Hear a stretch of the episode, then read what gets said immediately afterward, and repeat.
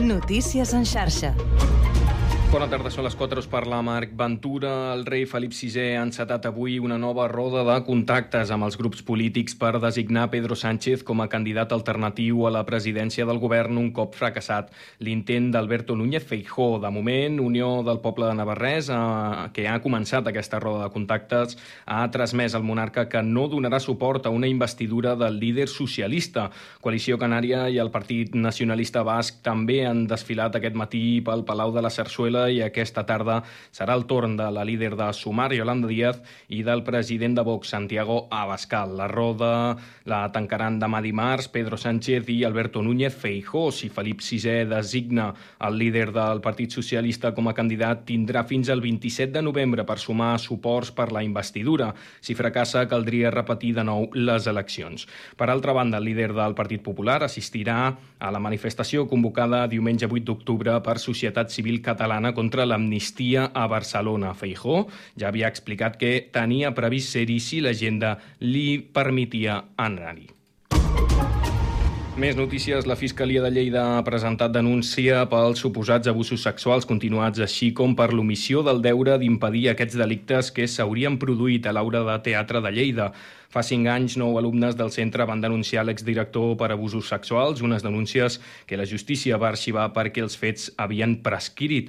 Els testimonis de les víctimes, però, els va recollir el documental d'Isabel Cuixet, El sostre groc, que va fer aflorar nous casos, uns casos que no estan prescrits. Arran d'aquesta investigació, la Fiscalia hi veu prou indicis de criminalitat i, a part de l'exdirector, també ha denunciat dos exdirectores del centre per la omissió del deure d'impedir delictes, perquè considera que sabien el que estava passant i no s'havia fet res.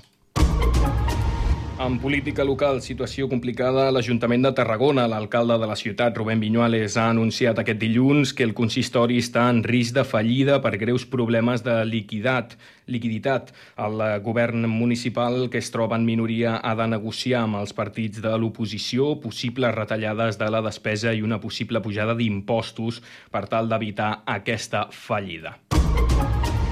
En trànsit, cues a la 2 de Pallejà a Sant Vicenç dels Horts, en direcció a Barcelona per la retirada d'un vehicle accidentat. I en els esports, les patinadores del CPA Olot ja són a casa la matinada de dissabte. Diumenge es proclamaven campiones del món de patinatge de grups de show grans al Mundial d'Ibagué al Colòmbia. Fins aquí les notícies en xarxa. Notícies en xarxa. 4 i 3 minuts. Comença el Connectats.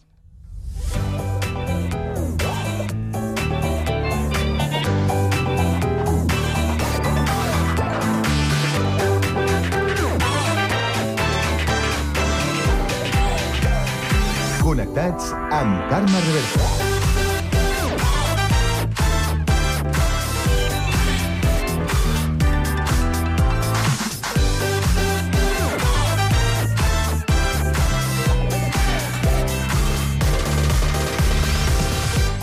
Molt bona tarda, salutacions i benvinguts al magazín de tarda de la xarxa, aquest connectats de l'àrea metropolitana de Barcelona, que a partir d'avui arribarà a partir de les 4 i 3 minuts. Com heu sentit així de clar.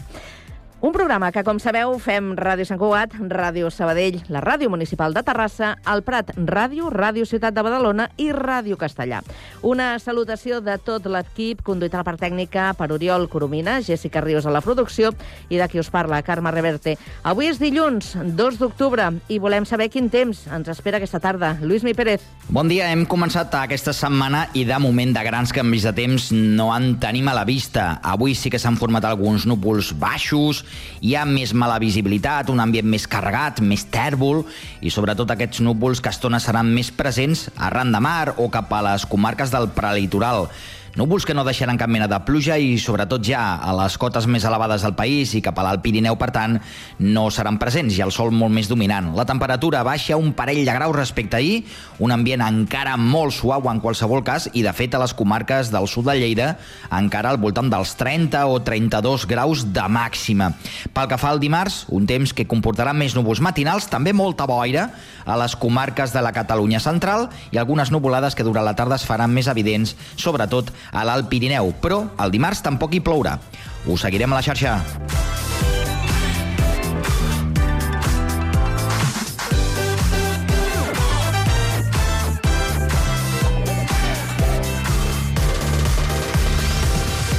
Doncs avui al Connectats parlarem del comerç local que pateix l'arribada de les grans superfícies. Entrevistarem Marc Gorriz, president de Comerç Castellà. Tancarem aquesta segona aquesta primera hora amb la tertúlia esportiva habitual dels dilluns. A partir de les 5 coneixerem el periòdic Delta del Prat, que arriba als 500 números. Parlarem amb Javi Martínez, cap de redacció. Continuarem amb ciència per recuperar la figura d'Inge Legman, la dona que va descobrir que el nucli de la Terra No és buit. Ens ho explicarà Núria Salant, presidenta de la Societat Catalana de Tecnologia. I acabarem amb cultura i l'estrena del documental Once Upon a Place de Cèlia Novis, premiat amb la Bisnaga de Plata a Màlaga. Tot això i més des d'ara i fins a les 6 de la tarda a la vostra emissora local. Connectats? Comencem.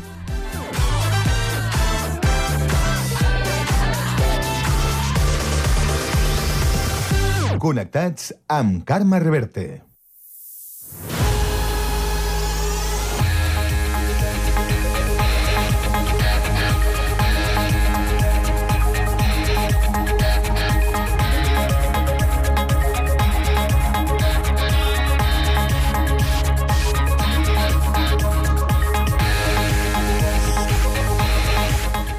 A les 4 i 6 minuts és temps per actualitzar-nos. Ho fem amb la ronda d'actualitat que obrim avui també per Terrassa. Sergi Estapé, bona tarda. Bona tarda. La Diada Castellera Nova Atenes, que cada dos anys organitzen els Minyons de Terrassa, va tornar a complir les expectatives aquest diumenge. Es tracta d'una convocatòria pensada per atraure grans colles i generar jornades castelleres de màxim nivell. Per a l'ocasió van acompanyar els terrassencs, la colla jove dels xiquets de Valls i els castellers de Sants. Els anfitrions van ser els únics en completar un castell de gamma extra, el 2 de 9 en folre i manilles. Després, la colla garenca va construir un 3 de 9 folrat i un 5 de 8. Els davants van estar a punt de completar el 4 de 9 net, que van desmuntar en dues ocasions poc instants abans de fer l'aleta. Sí que van completar el 3 de 9 i el 5 de 8. Pel que fa als castellers de Sants, van descarregar el 4 de 8 i el 5 de 7 i van carregar el 3 de 8. Els pilars de comiat van posar el punt i final a una jornada castellera que va continuar amb un dinar de germanor i concerts al Parc de Sant Jordi que es van perllongar durant tota la tarda.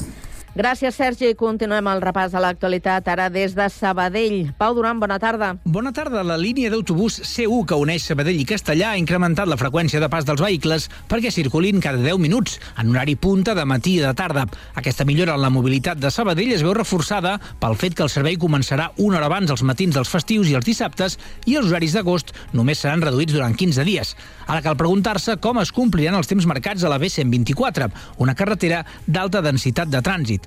El bon desenvolupament de la mesura està condicionat al projecte en fase de redacció BRCAT, el Bus Ràpid Catalunya, que tindrà carril propi en alguns trams de la carretera que uneix les dues poblacions. Ho ha explicat al programa El Cafè el director general de Transports i Mobilitat del Departament de Territori, Oriol Martori. Esperem que de cara a 2024 es puguin començar en aquest cas, en aquest cas les obres i per tant aquesta segregació d'aquest carril específic eh, per l'autobús el que farà serà doncs, que les freqüències estiguin molt més garantides, que la fiabilitat i que per tant la circulació de l'autobús doncs, tingui prioritat en, els, en les interseccions eh, semafòriques i que per tant doncs, que puguem garantir que hi hagi un compliment de freqüències realment molt, molt, molt fiable. A la iniciativa anirà associat un carril bici paral·lel que comportarà l'extensió de l'amplada del pont de la B124 amb unes ales laterals. Gràcies, Pau. Seguim aquest repàs de l'actualitat des de Badalona. Andrea Romera, bona tarda. Bona tarda, Carme. Més de 150 pacients han estat atesos aquest dilluns al nou hospital que el grup Quirón Salut ha obert a Badalona. Ubicat a Casagemes, aquest recinte sanitari té una superfície de 15.000 metres quadrats i ofereix atenció en totes les especialitats mèdiques, a més d'un servei d'urgències d'adults i pediàtriques 24 hores. Ho ha explicat el gerent de l'Hospital Quirón Salut Badalona, Josep Vega. A consulta externa uns 100 pacients pacients en diferents especialitats i unes 50 proves mèdiques per tenir una mica la dimensió. L'altra font d'activitat és el servei d'urgències. L'urgència pediàtrica sabem que el nostre entorn eh, únicament s'atén quan és a nivell hospitalari a Germans Trias, amb molt bona qualitat, però també amb dificultats de vegades de, de saturació i per això hem pensat que era bo per la població de la zona oferir aquesta oferta d'urgència pediàtrica. Fins a 400 professionals treballen en aquest hospital que obre les seves portes per donar cobertura sanitària privada als usuaris residents al Barcelonès Nord i al Maresme i que fins ara s'havien de desplaçar a Barcelona. Una població potencial, expliquen, de 800.000 persones. Gràcies, Andrea. I avui també volem saber què és el que destaca l'actualitat del Prat de Llobregat. Lluís Rodríguez, bona tarda. Bona tarda. L'Aula de Salut del Prat, en col·laboració amb l'Hospital de Belvitge, posa en marxa la seva proposta d'activitats per al segon semestre de l'any. El programa s'iniciarà el proper dijous 5 d'octubre a dos quarts de set de la tarda amb la xerrada Demències, Diagnosi i Tractaments a la cooperativa obrera de viviendes. És una jornada que s'emmarca dins de la commemoració del Dia Mundial de l'Alzheimer que es va celebrar ara fa uns dies enrere.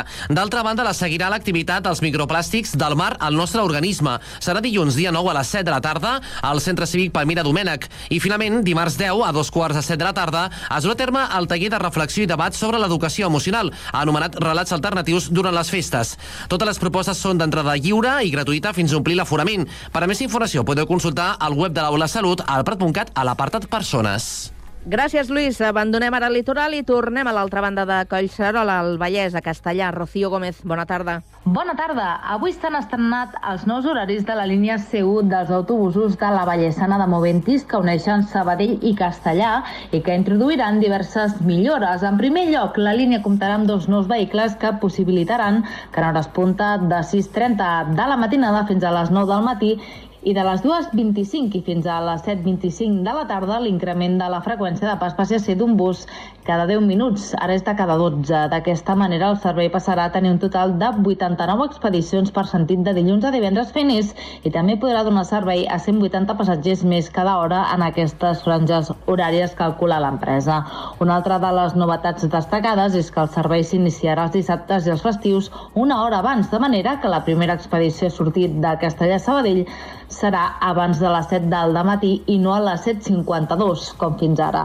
En tercer lloc, la línia C1 mantindrà la primera i la darrera setmana del mes d'agost els mateixos horaris de la resta de l'any i és que cal recordar que durant tot el mes d'agost aquests eren més reduïts.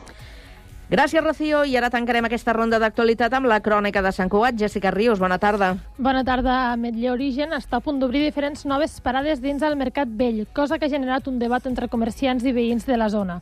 Consultats per Cugat Mèdia, la sensació general respecte al pla de dinamització d'aquest espai del centre de la ciutat és d'optimisme, però també hi ha algun recel en relació amb la gestió que se n'ha fet per part de la concessionària Gourmet Sant Cugat. Maria Mercè Segarra és la responsable de la carnisseria Segarra. Això és un barri, s'ha quedat un barri amb, amb la gent que ve a comprar és la gent del barri, no ve a comprar gent de fora, no pot deixar el cotxe. I per tant, com que no poden carregar, venen a comprar res. Jo no sé quina moto els hi han vengut aquí a Can Ametller, però la gent a carregar no vindrà. Des de Sant Cugat Comerç, en canvi, no acaben de veure amb bons ulls l'arribada d'Ametlla Origen a aquesta zona de la ciutat. La gerent de Sant Cugat Comerç, Adela Burgos, afirma que és una realitat que la situació actual del Mercat Vell és un desastre total i que fa falta dinamitzar l'espai. Ara bé, tot i aquesta problemàtica, Sant Cugat Comerç creu que la millor opció per la zona hauria sigut, sigut tornar a disposar d'un mercat clàssic, malgrat que admet que l'entrada d'aquest supermercat permetrà dinamitzar una mica la zona, tot i que no és el que necessiten els comerços del voltant.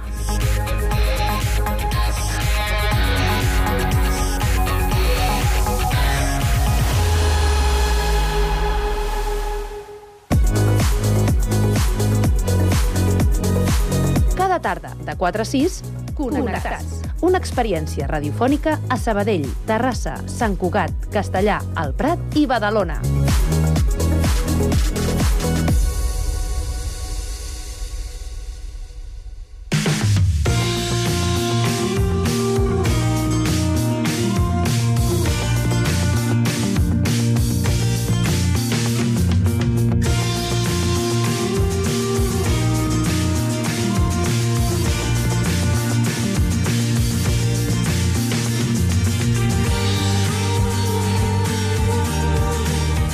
Convivència entre el comerç local i les grans superfícies eh, és complicada. Avui parlem d'aquesta relació des de la perspectiva dels més petits. El nostre company de Ràdio Castellà, Guillem Plans, té el president de Comerç Castellà, Marc Gorriz.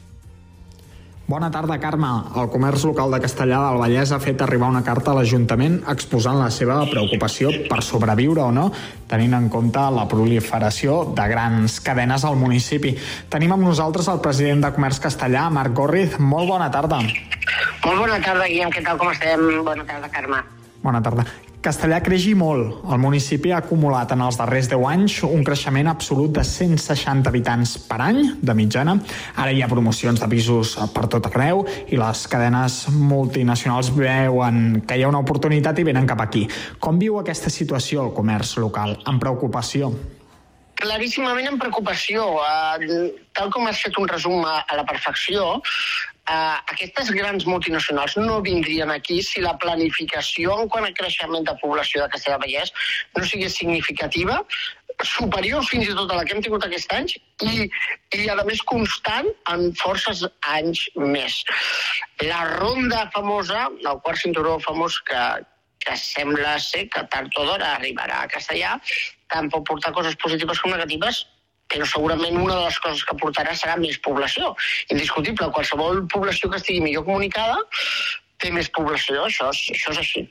D'acord? Um, això ens porta a que, com tu que dius, les grans superfícies estan veient a Castellà una zona molt atractiva i de moment amb uns preus molt competents on firmar grans acords a llarg plaç el problema aquí està indiscutible i la preocupació la tenim al comerç eh, de, el comerç de petit format, el comerç del centre, el comerç, el comerç local, el comerç de proximitat. Aquest és el comerç que estem més preocupats eh, per, per al nostre futur, claríssimament. Eh, és indiscutible que ningú pot impedir la instal·lació eh, de, de grans eh, centres eh, comercials, de grans, de, de, de grans superfícies. Val? Està clar que es, que es podria regular això està claríssim. Eh? Per part de l'Ajuntament podria existir una regulació eh, per a aquests eh, centres de grans, aquestes grans superfícies. Val? Eh, nosaltres no exigim ninguna, ninguna, eh, ninguna, eh, ningun objectiu clar val? en quant a què fer o què no fer. El que sí que estem emprenent són accions directament des de l'associació de comerciants, val? treballant amb l'Ajuntament, com per exemple per, eh, des dels comerços donar, eh, donar la possibilitat de que si el client vol tingui un tiquet de mitja hora gratuït i llavors eh, escollir per, per cada comerç donar els que siguin necessaris eh, i els que vulguin per cada, per cada client que visiti el seu, el seu negoci. Val? Crec que és una gran, un gran moment de que ens en recordem del petit comerç, de la situació que vam tindre eh, de, de, del Covid, de que explotem els nostres grans eh, els nostres grans eh, en surt efectes eh, no? Els avantatges, no? Sí. avantatges val? I, i en contra dels, dels desavantatges que tenen les grans superfícies, que és el tracte. No? El tracte que li pot donar qualsevol petit comerç uh, al client no és exactament uh, ni molt menys el mateix que li pot donar una gran superfície. Val? Llavors, explotem al màxim aquests, uh, aquests avantatges val, que tenim, aquests punts forts, i, i bueno, juntament amb col·laboració amb l'Ajuntament, l'Associació de Comerciants i dinamitzacions que estem preparant, tornen als vals de descompte, descomptes, bueno, descomptes no, tíquets gratuïts per aparcar al pàrquing eh, del centre. Sincerament, desgraciadament tinc que dir que tant dic això com dic que tenim que recuperar la gran superfície del, de, del mercat de, de Castellà. No pot ser que el Mercadona estigui pagant el lloguer per tindre'l tancat. Això no ho tenim que permetre de ninguna de les maneres. O sigui, no pot ser que les grans superfícies manin per sobre fins i tot de lo que és una zona tan pública no? de propietat pública com és el mercat. No? Uh, L'Ajuntament sí que està fent feina uh, uh, perquè això no, no es torni a repetir i, i, que, i que puguem avançar i que ràpidament torni a haver-hi al mercat sense aquesta gran superfície no té la rotació que tenia abans. El mercat ja va ser creat en el seu moment perquè tingués un, una gran superfície. Clar, Mercadona, Mercadona, al igual que va fer amb el seu, amb el seu negoci de baix, amb el seu na- nau de baix, va estar pagant el lloguer val? Um, sense ser-hi, perquè així trenca la rutina del comprador. I a la, quan trenca la rutina del comprador, Llavors, ell, ell com a marca la recondueix cap on vol. Em sembla superbé que ho facin a nivell privat, però a nivell públic el mercat no tindria que permetre que això s'originés d'aquesta manera, perquè al manar aquesta gran superfície, els perjudicats són els petits comerços, que ja havíem basat tota aquesta, també, aquesta um, cultura comercial, o petita cultura comercial, en, en aqu al voltant d'aquesta superfície. Val? O sigui, tant dic que tenim que posar fi a les grans superfícies, perquè és que és un no parar. Cada, cop, cada, cada mes s'han obert una nova, una nova, una nova, i se n'esperen més. No vull donar... Han, no han, vull donar- han arribat a Origen en Matller, Pepco, i ara és probable que se n'instal·lin doncs, unes quantes més al carrer Itàlia, a l'altra banda del Viena, el que s'ha separat per la carretera de, de Sabadell, no? Correcte. Clar, que l'acord és... Tu t'instal·les, tu pagues la rotonda. Val, que em sembla perfecte, les rotondes aquí és un punt molt perillós, la veritat, on hi ha hagut molts accidents i que hi hagi una rotonda en allà, crec que és un, és un gran què, no? És, un, és una gran notícia, la veritat. Vull dir, eh, segurament amb els accidents que hi ha hagut i les vides que s'han endut per davant, eh, ja tindríem que haver tingut aquesta rotonda. Mira, la fem ara, la fem gràcies a una gran superfície, però estem sumant una altra gran superfície. Uau, jo només crec que eh, si si si s'estan creant tantes grans superfícies és que el, el pastís cada cop és més petit. Llavors, tenim que lluitar claríssimament tant com podem per als nostres punts forts. Ara, potser és el moment de començar a regular d'alguna manera quantes grans superfícies hi poden haver i per quants habitants som. Mm. També demaneu mesures de protecció, no? Que... Mesures de protecció. Està claríssim que les mesures d'incentivar ja les tenim, no? Incentivar, doncs mira, regalem tiquets d'alçada gratuïts, eh, fem la, la, uh, fem dinamitzacions a lo que és el centre, no? Diguem-ne pel, pel petit comerç, però demanem també restriccions a les grans superfícies. Demanem regular d'alguna manera aquestes grans superfícies. Estan fent, com dir, tantes grans superfícies, tants metres quadrats de grans superfícies per tants habitants hi ha. Si no s'augmenten aquests habitants, no es poden augmentar les grans superfícies, és fàcil. No vull dir, s'han creat, eh, eh, s'han regulat eh, coses molt més complicades de controlar, com per exemple el patinet, doncs casc, velocitat, lloc per un circular, no? Hi ha una regularització, no, no, hi, ha, hi, ha, hi ha unes normes, hi ha una normativa. Per què no generem una normativa per a aquestes grans superfícies? Bueno, de moment mm, dona la sensació de que falta una mica de voluntat política. Segurament, escolta, ho acabarem fent i ho farem plegats, i ho farem de la mà, val? Ajuntament, associació de comerciants i grans superfícies, tots ens fiquem d'acord. Ara, no pot continuar així, això és un, això és un desgavell. Um, estem, estem, estem acceptant i estem mm, temperant-nos a nosaltres mateixos, ens estem ficant els pals a les rodes del petit comerç. No ens en recordem que les grans superfícies el que fan és treure feina al petit comerç. Mm. Ja està. Hi ha molta gent, ja ho vaig veure que l'altre dia ho vam ficar a la carta, no? vam publicar la carta d'actualitat, hi havia molta gent que es queixava del pàrquing. Tu, eh, imagina't si som conscients de, d'això, que fa tres mesos que ja portem reunint-nos per arribar a un conveni entre Ajuntament, SABA i Associació de Comerciants, i per tant, no només Associació de Comerciants, l'Associació de Comerciants ho gestionarà tota aquesta, uh, aquesta, aquesta operació, aquesta, aquesta dinamització, però està oberta a tots els comerços que vulguin participar. Tindran, si formes part de l'Associació de Comerciants, tindràs més descompte o menys descompte o pagarem una part més important de lo que és el tiquet. M'explico? Vull dir, si tu ets soci de l'associació de comerciants, no tindràs que pagar apenes res del tiquet que tu regalaràs als teus clients.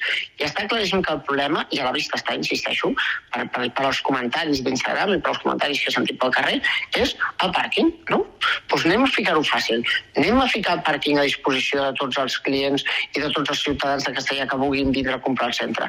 Fiquem-los fàcil, Vale? I això ja ho estem treballant. L'Ajuntament, l'Associació de Comerciants i Saba van arribar a un acord força ràpid i estem acabant de, de detallar la, els, les, el conveni que signarem entre l'Ajuntament i l'Associació de Comerciants per tal que això torni a florir. Arrenquem ja d'una vegada de les mans del, del Mercadona al, al mercat del centre val? i que aquella gran superfície pugui vindre una altra marca i ficar-s'hi. Arrenquem ja mateix dinamitzacions com, per exemple, tenim llestes ja al Corre Braves, als vals de descompte, fem aflorar la, la, la, fem aflorar la, la, les, la, no dic la necessitat, no? la necessitat de, de, de, de viure al centre, de comprar al centre, de comprar al petit comerç. Um, treballem en ello, t'ho puc ben assegurar, i tenim moltes ganes de que tot això vagi sortint a la llum. Marc, de, de que vingui més gent a viure a Castellà, que creixi la població, no és també un, una petita esperança per, per molts comerços locals de tenir més clients? Per exemple, penso en la restauració, eh? I, i és un cas que t'afecta perquè és el teu sector precisament. No t'ho has plantejat com a mal menor? Indiscutible que segurament sí, però quin tipus de població? Clar, aquí està, aquí està llavors la, la, la gran la, el gran dubte, jo, jo, per mi personalment, ara parlo a nivell de Marc Gorriz, o de restaurador, és quin tipus de ciutadà vindrà a viure. Val? M'explico, si serà un ciutadà... No, no, no és broma, eh? Vull dir, perquè estem parlant de que cada cop els preus pugen més i els salaris no. Llavors, quin tipus de, de, de ciutadà vindrà a viure a Castellà? El que pugui pagar bé correctament, entenc, eh? Vull dir, jo, jo Sí, soc sí. molt... Intento ser clar i, i a vegades pot ser que em llim les paraules, eh? No? El, el, el, que, el que vindrà a comprar, el que vindrà a llogar, el que no tindrà ningú euro i, ocuparà, no tinc ni idea, no sé quin tipus de, de, de, de, de ciutadà vindrà a Castellà un cop Castellà estigui molt comunicat. No? Esperem i desitgem que, que, escolta, que tot sigui positiu eh? per, les, per als petits comerç, per a, per a la restauració, mm, per tots. Però el que està clar és que si les grans superfícies estan situant aquí és que perquè veuen que Castellà exponencialment creixerà moltíssim, molt més del ritme que està creixent actualment. Segur, si no, no té sentit. Val? I això pot ser perillós, perquè també diré que les noves generacions val? estan molt més acostumades a comprar a una gran superfície que no al petit comerç. Fem-les, fem motivar aquestes, aquesta, aquesta nova generació, l'última generació, no, els independitzen, i no, no? Tota aquesta, tota aquesta, eh, eh, tota aquesta, aquests ciutadans joves que ara mateix estan molt acostumats a anar a, una, a un centre comercial, a un centre comercial o una gran, una gran superfície, comencem-nos que es passeixin per... Comencem-nos que, que se sentin a, a un bar de, del centre i es prenguin un cafè i des d'allà comprin prop el seu fill, es quedin a sopar, eh, comprin a la ferreteria, comprin on, on, on tinguin però al centre, no al centre, al petit comerç. El petit comerç està repartit per tot arreu, són molts, no només estem al centre. Mm -hmm. Carrer Major, plaça Europa, eh, hi ha una llista, i, eh, plaça Catalunya, hi ha moltíssim comerç eh, local que tenim que conservar, que tenim que animar, que tenim que mimar, que que tenim que, que fer-lo créixer. Val? I això només es fa dinamitzant, dinamitzant, fent activitats, generant moviment, generant fires, fent fires, fent, fent activitats pel poble. Vull dir, quan es fan activitats, la gent no marxa, està claríssim. O sigui, això es veu, jo ho veig. A mi em pugen les ventes, val? Quan hi ha una fira. Per què? Perquè la gent es queda, perquè vol sortir de la fira i ja dino i ja després me'n vaig a fer la siesta. Sí, sí, i això ho, ho esteu fent i, i molt bé. Parlant d'aquest tema, precisament, eh, explica'ns de què anirà el Corre Brava i quan se celebra. El Correbraves eh, hem, hem tardat una miqueta per una qüestió jurídica de l'Ajuntament, de, de com, com arribar no, a, a, a formar aquesta, aquesta dinamització que fem únicament sense subvenció de ningú, sí amb ajuda de la col·laboració de l'Ajuntament, però no amb subvenció econòmica. Val? Eh, la fem únicament i explícitament des del comerç eh, de Castellà, val? des de l'associació de comerciants. Està oberta a tots els comerços, o sigui, tots els restaurants i bars que es puguin adherir. Val? Tindran que pagar una petita quota, de que, que crec que de 35 o 45 euros per participar, ja que el Corre Braves com a tal és busquem les millors patates braves de Castellà del Vallès.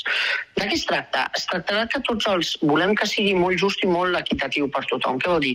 Ficarem un gramatge en quantitat de braves que tothom tindrà que respectar. Si es diuen que són 100, 100 grams de braves per cada tapa, tothom tindrà que presentar aproximadament 100 grams de, de tapes.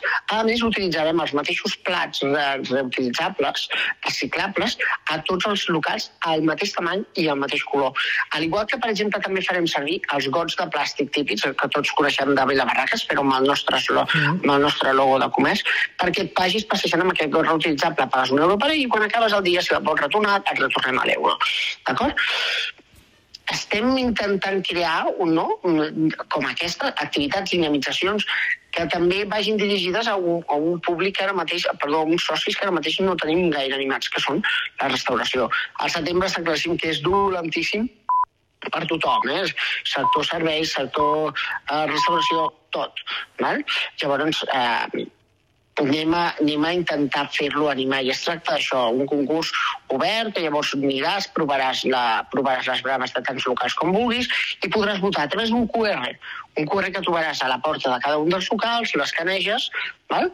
i, i des d'allà pots votar d'una a cinc estrelles. Cada estrella és un punt, d'acord? I llavors el que farem és un rànquing i aquí sí que veu una mica de gràcia, val? a lo Telecinco, vale? a los supervivientes, que és un rànquing on es, on es veurà el percentatge de qui està tenint més vots o menys vots. Es veurà en percentatge, no en quantitat de vots. I a més no sabràs a qui està guanyant o qui està perdent. Simplement hi haurà percentatges. Mm -hmm. I al final del dia es desvelarà qui ha quedat primer i qui ha quedat últim. D'acord? No hi haurà jurat, només hi haurà vot a través d'una aplicació que ha fet CM62, crec que es diu, de, del carrer Major, la tema informàtica, que l'han fet superxula i així serà molt transparent i, i molt transversal. Vull dir, no, no, volem que participin tots els bars, sobretot a vegades més que restaurants, que són més, eh, es, es desmarquen una miqueta, no? més de, de, sí que es pot, pots expressar el corretap, però no el corre braves, el corre braves és bars. Sobretot anem a per tots els bars que facin les millors braves. I jo trobar les millors braves de castellà. Quina pinta i quina salivera. Marc, moltíssimes gràcies per atendre'ns, per fer-nos aquesta anàlisi, aquesta radiografia del comerç de castellà, també per, per plantejar solucions, escenaris que segurament ens trobarem i per avançar-nos tota aquesta informació del Corre Braves. Correcte. I sobretot, una altra, una fira nova que tenim aquest any, que l'estem acabant de, també d'acordar i de preparar amb l'Ajuntament, la fira eh, de Santa Llúcia. No n'hem tingut mai i la tindrem segurament un cap de setmana, tres dies. Fira de Santa Llúcia amb tot instal·lat, tot preparat, tot de Nadal. Doncs mira, ja, ja, ja et dic que et trucarem per parlar-ne. Super, Guillem, moltíssimes gràcies. Perfecte, moltes gràcies i molt bona tarda. A tu, adeu, bona tarda. I molt bona tarda a tu també, Carme. Gràcies, eh, Guillem, i també al Marc Gorrez. Avui ens han fet, com deia el Guillem, a Salivera. Gràcies i bona tarda.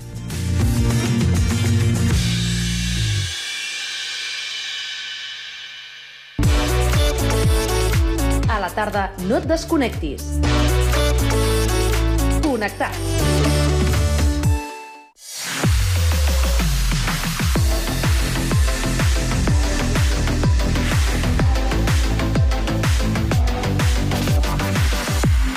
Dos minuts passant ja de dos quarts de cinc de la tarda. Avui és dilluns i a aquesta hora, els dilluns, parlem d'esports. Ho fem i compartim opinions en aquesta tertúlia que avui mm, doncs, eh, tindrem amb el Jesús Galindo, que és periodista i el tenim via telefònica. Jesús, bona tarda. Molt bona tarda.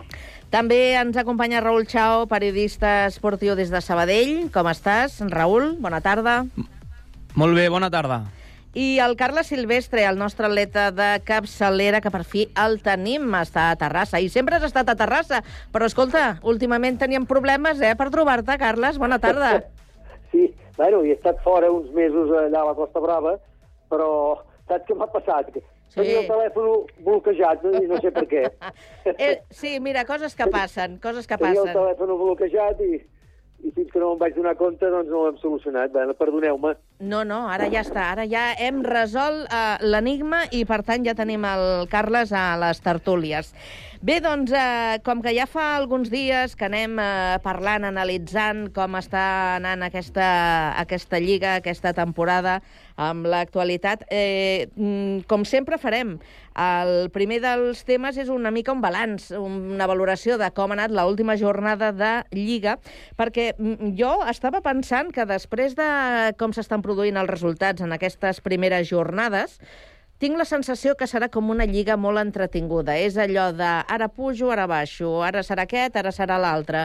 O sigui, hi haurà novetats gairebé cada setmana, perquè sembla que no hi hagi un ferm candidat que estigui presentant credencials a, a, a fer-se amb, el, amb el lideratge. No sé com ho esteu veient vosaltres, i en qualsevol cas sí que m'agradaria que em destaquéssiu quin és el titular d'aquesta última jornada segons eh, la vostra opinió. Jesús, vinga, comença. Ui, el titular, això es tindria que portar pensat. A veure, podria ser... Uf, mm, uf, més difícil eh, ara pensar un titular. És, és igual, però doncs... alternatives. Tira, tira milles. Alternatives. Mira, eh, jo crec que és una lliga, com dius tu, que hi ha tres equips en aquest moment, que no sabem què passarà. Eh, Real Madrid i Barcelona, evidentment, són candidats a lluitar pel títol, vull dir, ja per lògica i perquè estiguin com estiguin, sempre per que sigui, acaben a dalt. I el Girona, escolta, m'està semblant un rival en vuit jornades, un rival molt, molt sòlid. Vull dir, està jugant molt bé. L'altre dia amb el Madrid malgrat el 3 a 0, eh, jo crec que pel joc és un resultat una mica enganyós. No dic que el Madrid no mereixés guanyar, eh? Mm. No dic això. Però sí que va ser un resultat una mica enganyós perquè la veritat és que el Girona va tindre fases de joc molt bones. Va jugar bé, a mi em va agradar. I havia tingut ocasions per adelantar-se al marcador i, bueno, no va tindre sort i va lluitar contra la més experiència i les individualitats d'un Real Madrid que, com sempre, és un candidat ferm i que jo crec que aquest any està millor del que estava l'any passat. I per part del Barcelona, també, jo crec que està millor que l'any passat, però encara és un equip una mica en construcció. Vull dir, ha tingut uns retocs, la baixada de Busquets ha sigut molt forta, eh, encara falta trobar aquell punt de Uh, jo crec que es queixava el Xavi aquesta jornada de que necessitava més consistència defensiva. Jo crec que li falta la consistència defensiva que donava el Busquets al mig del camp. Busquets al mig del camp, només amb els talls que feia de pilotes i això, aquesta substitució encara no està ben definida, sense desmereixer el Romeu i així, i potser que ja és que canviar una mica el plantejament de l'equip. Potser li falta també algú que porti la, la batuta amb claredat, un líder, eh, algú que... que, que... No està Pedri. Mm, clar, no està Pedri, no està no Pedri. Està Pedri però si, si... No sé, no sé què dirà el Carles, però si hem d'esperar que surtin els, els peques de la casa per uh, obrir escletxes i fer que la grada comenci a cridar ai, eh, perquè si no és així... A veure, els peques de la casa són molt bons eh? I falta el Pedri i falta el De Jong. Que el De Mm. Jong, al mig del camp, és el que trenca línies amb aquelles infiltracions que fa.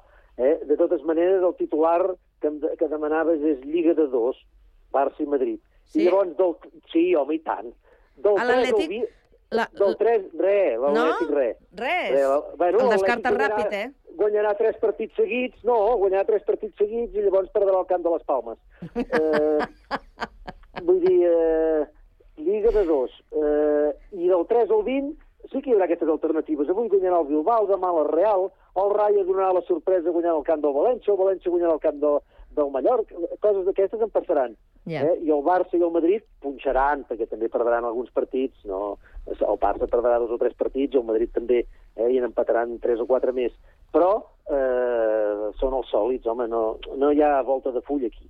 Mm. Si no hi ha lesions greus, eh? Si no hi ha més lesions, eh? Al Sí, tanto. sí, no cridem el Si mal si temps, hi que ha- ja en portem unes si no hi ha- quantes. Si no hi ha lesions. El Girona molt bé, però va passar el que havia de passar. El Madrid dos partits seguits de Lliga perdent no podia ser, eh? i a pesar de que els primers set minuts en tenen dues de claríssimes, el Girona, un pal i una que passa per sobre el travesser, Mhm. eh, sí, no va jugar malament, no? El Girona està fent, hosti, està fent una gran campanya, eh? Vull dir, de moment, eh? Això, això acaba de començar, a més, eh? I tant. Jornada 8. Vull Sí, dir, sí. queda molta lliga. Però vaja, jo ja m'aventuro que lliga de dos. Vinga, doncs, eh, Raül, més del mateix? Estarem en les mateixes de, de sempre, també aquesta temporada? Com ho veus? Mira, jo em, quedo amb l'última frase que ha dit, de Lliga de dos. Doncs el meu titular seria Lliga de tres. És a dir, tenim el Madrid, el Barça i l'Atlético de Madrid, que per mi són els tres candidats a lluitar per la Lliga, i aquest any sí, jo, cre jo compto amb l'Atlético de Madrid per, per la lluita pel, pel títol. Comencem repassant per, pel partit de divendres, que va ser el primer. Uh, a mi el Barça-Sevilla va ser un partit molt igualat, és a dir, va ser un partit de, de dos equips uh, a nivell defensiu ben, ben ordenats, però que un autogol de Ramos va, va decidir el, el partit. Uh, per, part, per part del Barça, per part del Barça uh, em quedo amb els joves i sobretot amb Fermín. Fermín va canviar el partit, Oh, és a dir, des de que va entrar, Sí. des de que va, entrar uh, va revolucionar el partit perquè és un jugador que dona... És un perfil Gavi, és a dir, que va amb ganes, que sobretot uh, té físic, però també té molta qualitat, arriba molt, arriba a segona línies, que això al Barça històricament li ha faltat sempre un jugador que pugui arribar de segones línies, i això ho Fermín ho té. Després del, del Madrid-Girona, uh, el Girona va començar el partit possiblement de manera sorprenent a l'atac, és a dir, jo m'esperava un Girona intentant controlar la pilota i anar mica en mica, i va ser tot el contrari, va començar, va sortir i va tenir el pal de Sigankov, va tenir l'ocasió de Àngel Herrera en remat de cap que se'n va cap, a, cap amunt del travesser, que estava rematant sol, i a partir d'aquestes dues ocasions el Madrid eh, va començar i va començar a, a ser el, el Madrid que és el candidat a, a lluitar per la, per la Lliga i sobretot amb, amb jugadors com, com Bellingham i José Lu que té pinta que lluitarà per, pel pitxitxi de la, de la competició. I em quedo amb això, és a dir, és que estem a les primeres jornades de Lliga, el Girona és tercer a la competició, ha perdut a Chigankov un mes, més, la, més Porto, que es dubta pels propers partits a, a causa de la gran uh, entrada que va rebre per part de Nacho. Així que jo crec que tenim una lliga entretinguda i donarà que, que parlar. I a més, jo crec que la imatge del cap de setmana és la de l'aficionat del, de l'Atlètic Club de, de Bilbao a la grada de, de Noeta, on tot, tota Noeta estava saltant d'esquenes després del tercer gol i Sí. ell estava allà pues, quiet, somrient, però això és l- lo del futbol, no? que, que no sempre hi ha Però amb problemes. sentit de l'humor, eh? S'ho va prendre molt bé. Exacte, exacte, exacte. I a més amb, amb la celebració de Cubo també, que, que jo crec que també és una de les imatges de, del cap de setmana. Efectivament, doncs sí, estarem entretinguts, que d'això es tracta, no? Eh, a veure, anem per un dels eh, joves que ja eh, avui mateix ja, ja s'ha anunciat, eh, em refereixo a la Yamal, que, que ha signat eh, contracte per 3 anys i després una possible eh, ampliació, eh? una prolongació d'aquest contracte. Eh... Com faig els 18, com faig els 18, Sí. d'aquí dos. Abans de que acabi el de, aquest de 3, sí. abans de que acabi aquest de 3, una, un any abans farà els 18 i el pretenen renovar per 5 mesos. Val. Jo la qüestió que us volia plantejar, eh, ho dic perquè el tècnic eh, Xavi Hernández eh, mm, l'altre dia en declaracions, en roda de premsa, perquè se li insisteix, se li pregunta, i ell eh, té a veure respondre, eh, va dir que, mm, a veure, no correm tant amb aquest nen que té 16 anys, l'hem de protegir, l'hem de protegir.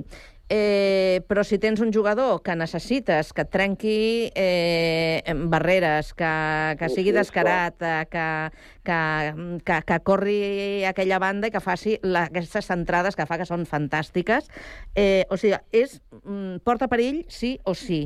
Què, què faríeu vosaltres? Eh, què, per què optaríeu? Mira, no mi, pot jugar tot, sí.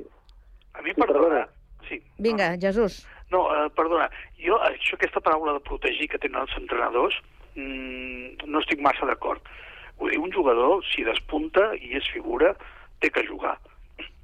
Una altra cosa, que això sí que seria protegir-los, és en un moment donat que hi ha un cansament excessiu, que hi ha una acumulació de partits, li donguis un relleu i facis entrar amb un altre jugador de titular i el deixis descansar i així. Però mentre estigui en condicions i bé, ha de jugar ha de jugar. A mi les proteccions aquestes també es va protegir molt a l'Anso Fati i a l'Anso Fati ha tingut que sortir del club. I a l'Anso Fati jo segueixo insistint que és un grandíssim jugador si hagués tingut confiança que no va tindre que no va tindre. Per això, aquesta paraula de protegir dels entrenadors és un concepte mm, que jo crec que està una mica equivocat. Que protegir Bueno, és el jugador que promet ha de jugar i que està en condicions ha de jugar. I que de tant en quant tingui que descansar, això és protegir un jugador. I això s'ha de fer amb tots els jugadors, amb el Lewandowski, que en té 34, també se n'ha de fer. Vull dir, s'ha de fer amb tots, protegir els jugadors, però si està en condicions i té confiança, ha de jugar. És una Però opinió que- meva, eh? però que no, que no ho jugui tot com el, com el Pedri, eh, que ho va jugar tot aquell any, i llavors ho hem tingut de lesió en lesió. Eh? No, però és el que t'apuntava jo, Sí, que és sí, un descansar, que, però quan és necessari però que descansi. Jo crec que vol dir això el Xavi, eh? El Xavi vol dir això, que de tant en tant el farà No sé, descansar. amb la- amb l'Anso Fati no devia voler dir això. Bueno, Ansu Fati es va lesionar i... Sí, es va lesionar, però I, i després tres el va estar, de, el va estar protegir, el va estar protegint que ja estava en perfectes condicions i que havia sortit algun partit que, que apuntava una recuperació bastant important. Sí, però estaven jugant jugadors que podeu fer més bé segons el criteri del, de l'entrenador i no acabava de ser titular del tot. Bueno, aquest any podria eliminar bé allà. Allà el Brinton eh, serà més titular, a pesar de que també no ha sigut titular tots els partits, allà el Brinton, eh? em sembla que ha jugat dos de titular i dos de suplent. Però bueno, li anirà bé el futbol anglès, que s'ha de córrer i lluitar i tirar-se a terra, a veure... De moment bastant discret, de moment. Sí, De discret. moment. I això del Yamal, doncs, eh, bueno, eh, avui surt mitja part, llavors el canviem al minut 70, eh, si ha fet un bon partit, no sé, això és protegir, mira, eh, dosificar-lo, perquè sempre titular, sempre titular... Però penseu, penseu que el club pot tenir a, a, aquesta filosofia, aquesta manera de fer, de protegir-lo, en el sentit que esteu comentant eh, vosaltres, o en el que decideixi el tècnic. Però mentre hi hagi altres convocatòries, com les de la selecció espanyola, Ah, aquí ja no, ja no, ja, el club ja no pinta res. És que, no Carme, Vinga, Raül. per, per, per mi els bons jugadors han d'estar sempre al terreny de joc, encara que tinguis 16 anys, 17, 18 o 38, és a dir, per exemple, posarem, una, mm, posarem un exemple dels més recents, uh, Luka Doncic, que ara és, és jugador de bàsquet, estem parlant d'un dels 3-4 millors jugadors de, del món, amb 16 anys Pablo Lasso el fa debutar al Madrid, amb 17 anys era jugava 30 minuts per partit. Això estem parlant d'un jugador uh, transcendental. La Yamal portava quatre suplències i en el partit que, que va revolucionar el partit va ser el millor. És a dir, la Yamal ha de jugar quan ha de descansar? Doncs els partits intranscendentals, perquè uh, ara mateix, darrere de Lewandowski, per mi Lamin és el millor jugador del Barça que té al, al davant, és a dir, és l'únic jugador que té un, un 1 contra 1, que, que té gol, encara que de moment no, no, no ha ficat la, la, no. la porteria a dintre, però amb la selecció sí que s'ha- ho ha fet, és un jugador que és a dir, anem amb, amb peus de plom, però estem segurs que marcarà una època perquè és que és un jugador diferencial. I això ja, ja es veu, és a dir, no, no es veu quan tens 22, 23 anys, sinó, no, sinó quan tens aquestes edats. Eh, perdona, la, la comparació amb el Doncic no te l'agafo. El bàsquet no foten patades, i el, el futbol juguen 90 minuts, o de vegades 100, i el bàsquet com a molt jugues 30 minuts. Sí que vas amunt i avall, però eh, juga amb les mans, tot molt més controlat i tal. El futbol eh, s'ha de protegir més un jugador, perquè et van fotent patades contínuament, contínuament, hi ha un desgast horrorós. I ara, a més, el Jamil poder jugarà més perquè s'ha lesionat el Rafinha. Vull dir que això també serà un avantatge per ell. Eh? Vull dir que el, Xavi l'haurà de posar. Res, només aquesta petita acotació, res més. Eh, Deixeu-me que ara volia també apuntar, perquè tenim uns quants temes, eh? però eh, la setmana, aquesta setmana passada eh, ja va sortir la notícia que el que ha estat eh, el, el responsable del director tècnic del Barça eh, femení, eh, el Markel eh, Zubizarreta, eh, segurament eh, se'n va a ser el nou director tècnic de la Real Federació Espanyola de Futbol, també com a proposta d'algunes de, de, de les jugadores. Eh, si això s'acaba produint, que sembla que, que sí, perquè ja han sortit eh, algunes eh, informacions, com penseu que, que pot afectar eh, el futbol femení del Barça? Per mi és una, un error molt greu de la Junta de la Porta, és a dir, perquè, sí. pels segons diuen les, les fonts que tenen millors uh, fonts en aquest cas, uh, diuen que han aturat a Markel Zubizarreta perquè ja portava un any volent sortir del Barça i el van aguantar fins al, al mercat d'estiu. Aleshores, uh, pels que no tinguin controlat una mica la situació del femení, uh, la temporada que ve en el Barça acaben contractar Alexia Putella, s'acaba Patrick Guijarro, acaba contractant Mapi León, Sandra Paños, i un bon grup de, de jugadores més i el 2025 acaba Aitana Bonmatí, és a dir, que són anys de, de que han de renovar contractes i han de prendre decisions. Ara mateix no hi ha ningú al volant en, en aquesta situació, han de buscar una persona que pugui fer tot això i qui ho decidirà? Deco, que ja va dir al, a la seva presentació que ell en aquest tema no es No. ficaria, la porta, Juste, aquesta és la primera Oh, oh, pregunta. sí. I després, per, per la Oh. selecció, tenir una figura com, com Zubizarreta, que va arribar al Barça, té dos Champions a la seva butxaca i un domini a nivell mundial molt gran, crec que seria una figura molt important per la selecció i sobretot, a més del tot el que ha passat, seria la millor notícia possible. Doncs mira, sí. això és vestir eh, un, un sant, de, un sí, sant bueno. per de, desvestir un sant per vestir un altre. Ah. Sí, però el Barça haurà de posar algú, eh? Haurà de posar algú Oh, clar. per decidir totes aquestes renovacions i tot això, o, o, que, o que ho faci tot el Jonathan Giraldes, que, que no ho crec, eh? però vull dir... Ara, eh, eh, ja... Eh, volia marxar el Zubizarreta, eh? No és que l'hagi fotut fora la Junta. No, no, no, Volia no, mar- no. Uh -huh. vo- volia marxar. El que passa que volen marxar molta gent del Barça. Això és el que em- em- m'emprenya a mi. Van marxar dos, dos eh, directors, eh, els CEOs aquells. Va marxar un que estava a l'Espai Barça. Va marxar... Bueno, n'han marxat cinc o sis. Hosti, què passa? Què, sí, què passa? Què passa? Mira, què està passant, no, Carles? Sí, no, no, no ho sé, però m'imagino. És el caràcter de la porta. El la porta ho porta com si fos el seu despatx eh, d'abogata.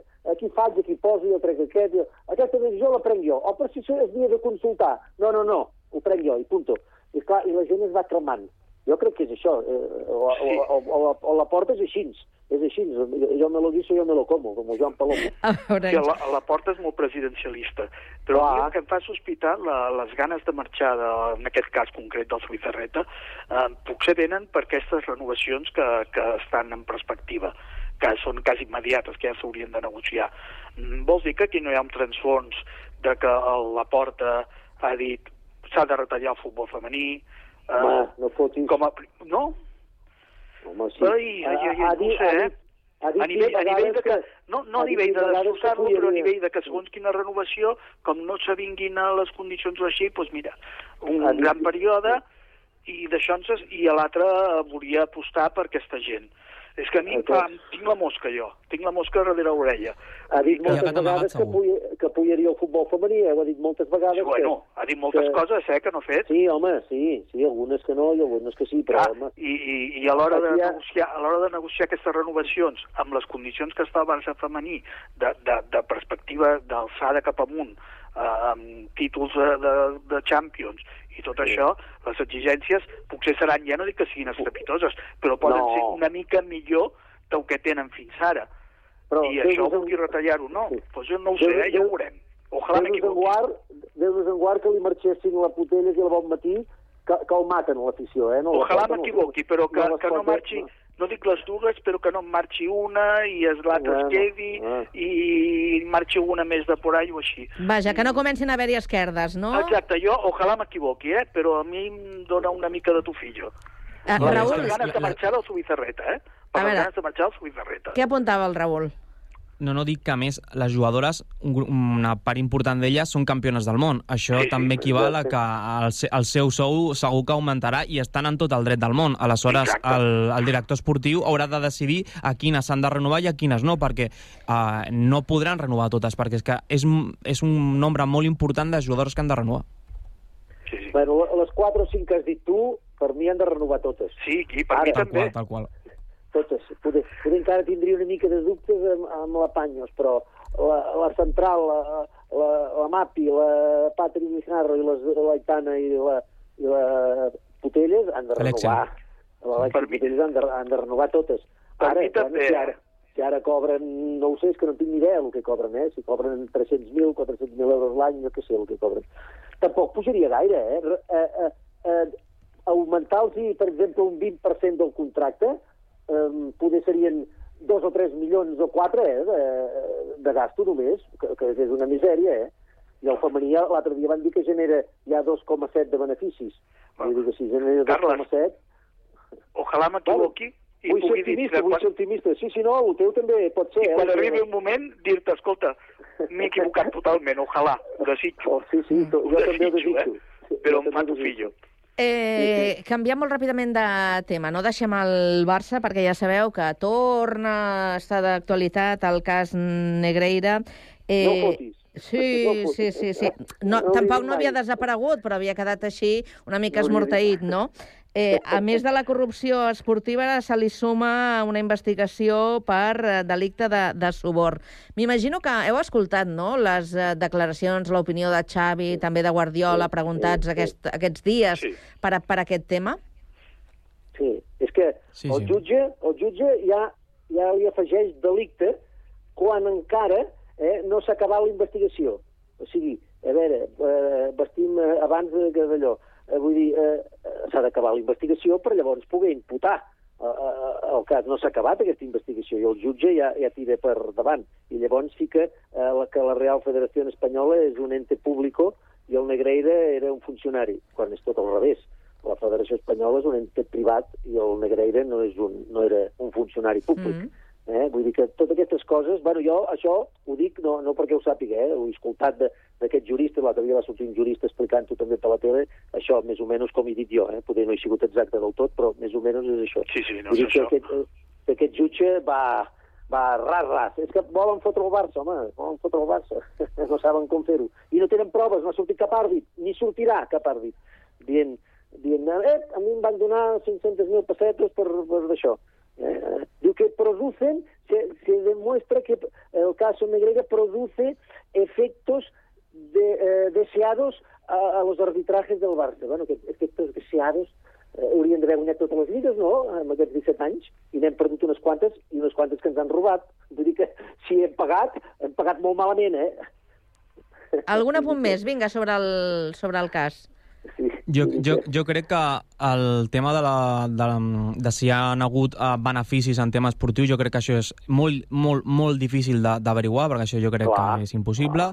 Després de lo dels diners i això, jo crec és opinió personal, jo crec que hi ha hagut algun tema de xanxullos entre qui sigui més el senyor aquest del Negreira, i això jo crec que es pagarà, Sí, això- això- però això això, això segur que el jutge jo crec que està dient opinions personals i no està dient coses de, que se saben, Correcte. i jo crec que aquí se- segur que queden eh, més, més episodis més, estic convençut. Mira, a mi em dóna la sensació que el jutge, com fan molts jutges per desgràcia en aquest país, eh, eh, per un cantó no està trobant les proves suficients per demostrar un acte delictiu i així, llavors se n'inventa de noves, en busca de noves, sí. eh, i a veure si per aquí podem agafar-los, perquè per l'altre cantó no hi ha forma. Vull dir, em dóna aquesta sensació a sobre, ho fa públic quan s'està fent una investigació, que això ja és aberrant, i el desacredita totalment. No dic que sigui veritat, que sigui mentida o així, eh? Només dic el, el procediment. Les formes ja són, ja són totalment... Les formes fora de lloc. I, no, i en I- canvi no s'investiga uns vídeos que Madrid publica regularment en contra d'arbitratges, que això em sembla que fan una pressió directament contra el senyor, Home. que el diumenge té que sortir al camp davant del Madrid. Allò I això ni ho Telemadrid- investiguen ni li donen importància. No. A veure, també és algú a mirar, no? I sortirà cada vegada que el Barça vagi una mica bé, sortirà això, eh? Que en el Barça, si guanyem tres partits seguits i tot això, i passéssim a davant del Madrid a la Lliga, pam! Doncs potser que matin el tema ràpid, eh? Vull dir que enllesteixin Ui, com ui, més aviat la per- investigació. Ui, va, va per llarg, això, anys, això, anys. Molt bé, doncs eh, ho, deixem, ho deixem aquí, eh? A l'espera de saber si Marc Márquez eh, se n'anirà a Ducati definitivament. I... Tot pinta, eh? Té pinta, té pinta. Ara jo em pregunto si no li han fet el llit a Honda, perquè ja fa temps que està... No ho sé, no sé si li han Trobant a, fet el llit. faltar, trobant a faltar Pedrosa. Eh, ho, de, ho deixem aquí, ja, ja parlarem un altre dia. Senyors, gràcies i bona setmana. Adéu-siau, bona tarda. Adéu-siau.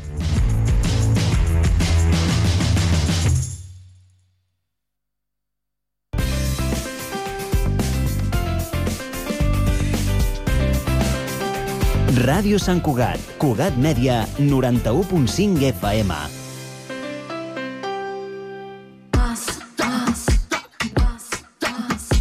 Pide por esa boquita, viajar, disfrutar de un verano mejor, vamos, grita.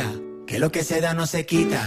Tot el que li demanes a l'estiu, demana-li al nostre assessor i aconsegueix fins a 500 euros en un cupó regal del Corte Inglés i molt més. Consulta les condicions. Viatges al Corte Inglés. Sant Cugat, Braseria La Bolera, el restaurant braseria situat al vell mig de la ciutat. Més de 20 anys oferint la més alta qualitat en tots els seus productes, en amanides, carns, verdures, Braseria La Bolera, amplis menjadors per a celebracions familiars, batejos, comunions, casaments, Braseria La Bolera. Els que ja la coneixen sempre hi tornen. Baixada de l'Alba 20, al costat del monestir. Telèfon 93 674 1675.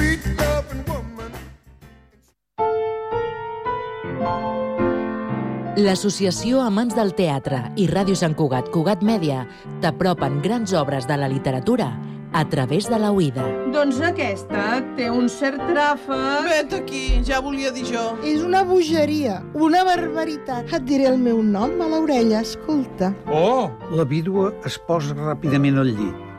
Radioteatre amb obres de Jean Cocteau, Martí Boada, Robert Robert, Mercè Rodoreda, Pere Caldés o Anton Chekhov. Al 91.5 FM i a www.cugat.cat. Cada mes, els alumnes dels instituts Leonardo da Vinci, el Centre de Formació d'Adults i el Col·legi Pureza de Maria expliquen l'actualitat dels seus centres a Ràdio Sant Cugat. Els alumnes de primer d'ESO van fer una excursió el 18 d'octubre a un jaciment arqueològic. Doncs jo vull parlar sobre la inauguració del Punt Lila i el Punt Rainbow. També ens fan recomanacions. I el que m'agrada molt d'aquest llibre és que eh, a les pàgines es poden veure els correus. Ens diuen què els agrada. A mi m'agrada el Nadal en fred. Parlaré del que m'agrada que va sobre el meu esplai. I ens posen al dia amb la música que escolten. Jo he escollit eh, La gent d'estimo, que és de Oques Grasses. Quan somrius, de Joan Dausà. No dudar-hi, Rosario. Els instituts Sant Cugatencs a Cugat Mèdia. Els dijous a les 10 a Ràdio Sant Cugat i en podcast a cugat.cat i a Ull Crític.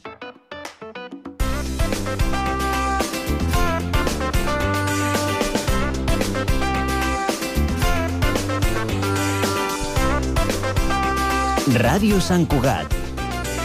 www.cugat.cat